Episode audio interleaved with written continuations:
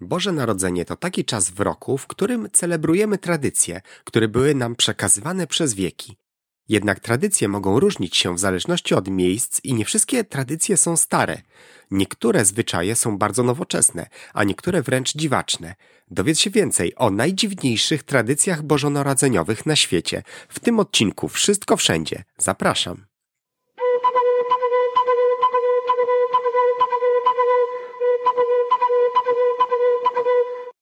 Tradycje, które celebrujemy, przeważnie nie są uniwersalne.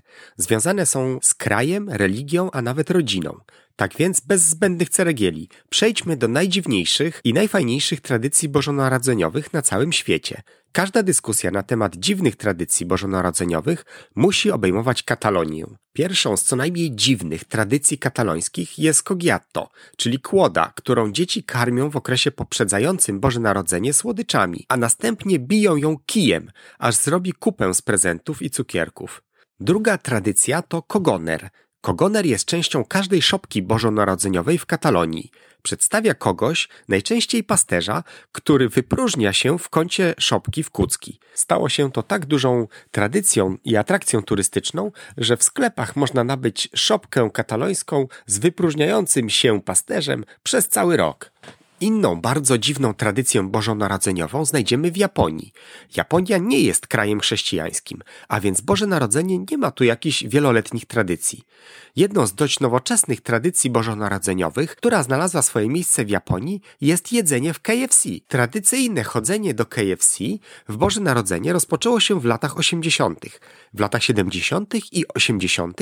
nastąpił ogromny wzrost japońskiej gospodarki i ekspansja zachodnich restauracji typu fast food. Jedną z najpopularniejszych sieci była i jest Kentucky Fried Chicken, czyli KFC. W 1974 roku rozpoczęła kampanię marketingową o nazwie Kentucky for Christmas, KFC. W tej właśnie kampanii reklamowej zachwalali smażonego kurczaka, jakby to był tradycyjny amerykański posiłek na Boże Narodzenie, aby zwiększyć sprzedaż. Zdjęcie wizerunku pułkownika Sandersa, które wykorzystuje KFC, wygląda trochę jak święty Mikołaj, jeśli się nad tym zastanowić. To nie jest to aż tak bardzo naciągane. To biały facet z białą brodą i wszystko, co naprawdę musisz zrobić, to założyć mu czerwoną świąteczną czapkę. Smażony kurczak również nie jest tak bardzo naciągany dla japońskich gustów, ponieważ smażone potrawy, takie jak tempura, są bardzo popularne w Japonii, podobnie jak sam kurczak. Ostatecznie wiadra kawałków kurczaka stały się najbardziej popularną rzeczą na obiad w Wigilię. Dziś przeciętna restauracja KFC w Japonii w Wigilię robi 10 razy więcej obrotu niż w każdy inny normalny dzień. Nie jest niczym niezwykłym, że ludzie ustawiają się w kolejce wokół bloku, aby czekać na świątecznego kurczaka z KFC. Japonia nie jest jedynym krajem z nowoczesnymi tradycjami bożonarodzeniowymi. Kolejnym krajem o bardzo nietypowej współczesnej tradycji jest Szwecja.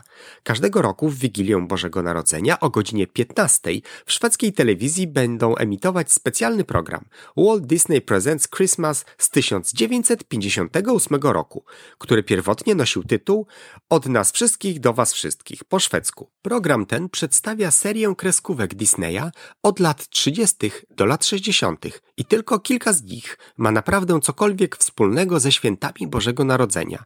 Program jest emitowany co roku, o tej samej porze i dokładnie w tym samym dniu, bez przerw reklamowych od 1959 roku w szwedzkiej SVT1, głównej publicznej stacji telewizyjnej.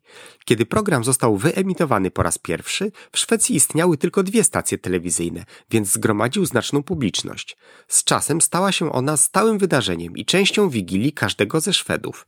Szacuje się, że nawet 50% wszystkich ludzi w Szwecji ciągle ogląda ten program. Wiele rodzin planuje Wigilię Bożego Narodzenia wokół programu, aby nie jeść ani nie gotować podczas jego emisji. Jedyna różnica w stosunku do oryginalnej transmisji polega na tym, że zamiast samego Walta Disneya, który prowadzi program, zwykle prowadzi go szwedzka osobowość telewizyjna. Jeśli chcesz zobaczyć o co chodzi w tym całym zamieszaniu, po prostu wyszukaj From All of Us to All of You i możesz obejrzeć go w całości na YouTubie. Inna współczesna tradycja narodziła się w Caracas w Wenezueli. Wenezuela jest krajem w przeważającej mierze katolickim, a w wielu takich krajach dość powszechne jest uczestnictwo we mszy w Boże Narodzenie. To sprawia, że tradycja w Caracas jest wyjątkowa. To nie jest to wczesne wstawanie, aby pójść na mszę. Nie jest to pasterka, co zdarza się w innych miejscach. To, co czyni wyjątkowym Caracas, jest sposób, w jakim wierni docierają do kościoła. Właśnie tłumy ludzi w Caracas jadą do kościoła na rolkach. Tak, wiele osób jedzie do kościoła na rolkach, także wiele ulic jest zamkniętych dla wrotkarzy przed ósmą rano. Nikt tak naprawdę nie jest pewien, jak narodziła się ta tradycja, ale istnieje ona od lat. Można się domyślać, że dzieci dostawały wrotki w prezencie, a następnie chciały je wypróbować, gdy szły do kościoła to po prostu stało się rzeczą powszechną. W Norwegii istnieje dość starożytna tradycja, która jest praktykowana do dziś. Kiedyś uważano, że czarownice i złe duchy przyjdą do twojego domu w noc wigilijną. Jeśli te złe duchy znalazłyby jakieś miotły, zabraliby je do latania po niebie. Tak więc w Norwegii przed pójściem spać w Wigilię należy schować wszystkie miotły w domu, aby czarownice i złe duchy ich nie znalazły. Niesamowite jest to, że jedzenie luterfixa nie jest najdziwniejszą tradycją bożonarodzeniową w Norwegii. Dziwne tradycje bożonarodzeniowe to nie tylko rzeczy współczesne. Niektóre z nich były szanowane lata temu, ale już dzisiaj nie są znane. Na przykład taka szczególna, która wydaje mi się bardzo dziwna. Była to gra towarzyska rozgrywana w okolicach Bożego Narodzenia w czasach Wiktorii w Anglii, która nazywała się Snapdragon. Aby zagrać w Snapdragona, trzeba było wziąć miskę i włożyć do niej jedną lub dwie garści rodzynek, a następnie napełniało się miskę brandy i podpalało ją. Gra polegała na próbie wyłonienia płonących rodzynek z miski i włożenia ich do ust. Nie wiem, kiedy ta tradycja wymarła, ale jeśli jest jedna wiktoriańska tradycja bożonarodzeniowa, którą chciałbym przywrócić, to chyba ta.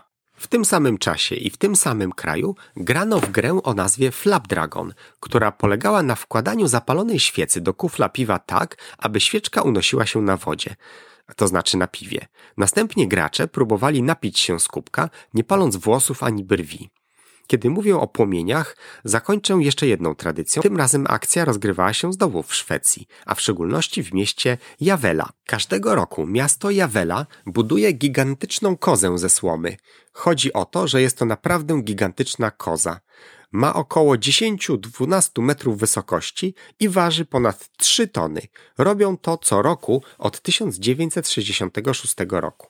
I co roku ktoś próbuje spalić tą kozę. To nie jest jedna z tych rzeczy, w których urzędnicy miejski próbują podjąć symboliczny wysiłek, aby powstrzymać podpalacza w imię tradycji. Naprawdę nie chcą, aby koza została spalona a jednak prawie co roku koza płonie lub przynajmniej ktoś skutecznie próbuje ją podpalić. Od 1966 roku koza spłonęła 38 razy. Co więcej, od 1984 roku w mieście buduje się dwie różne kozy, chyba jedną na zapas. W czterech kolejnych latach przetrwania kozy podpalaczom udało się 17 grudnia 2021 roku znowu ją spalić. Dzieje się tak pomimo podwójnego ogrodzenia otaczającego kozę wraz z kamerami i 24-godzinną strażą. W przyszłym roku nieustanna walka pomiędzy miejskimi budowniczymi KUS a antykozłowymi podpalaczami rozpocznie się na nowo.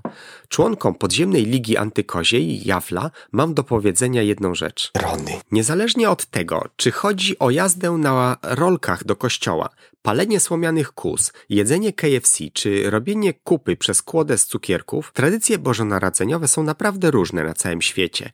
Nawet jeśli nie potrafimy ich zrozumieć, są one pielęgnowane przez ludzi, dla których wciąż są ważne. Dziękuję za wysłuchanie i zachęcam do naciśnięcia przycisku subskrybuj w odtwarzaczu Spotify lub Apple Podcast, co sprawi, że ten podcast będzie bardziej dostępny dla innych. Dziękuję.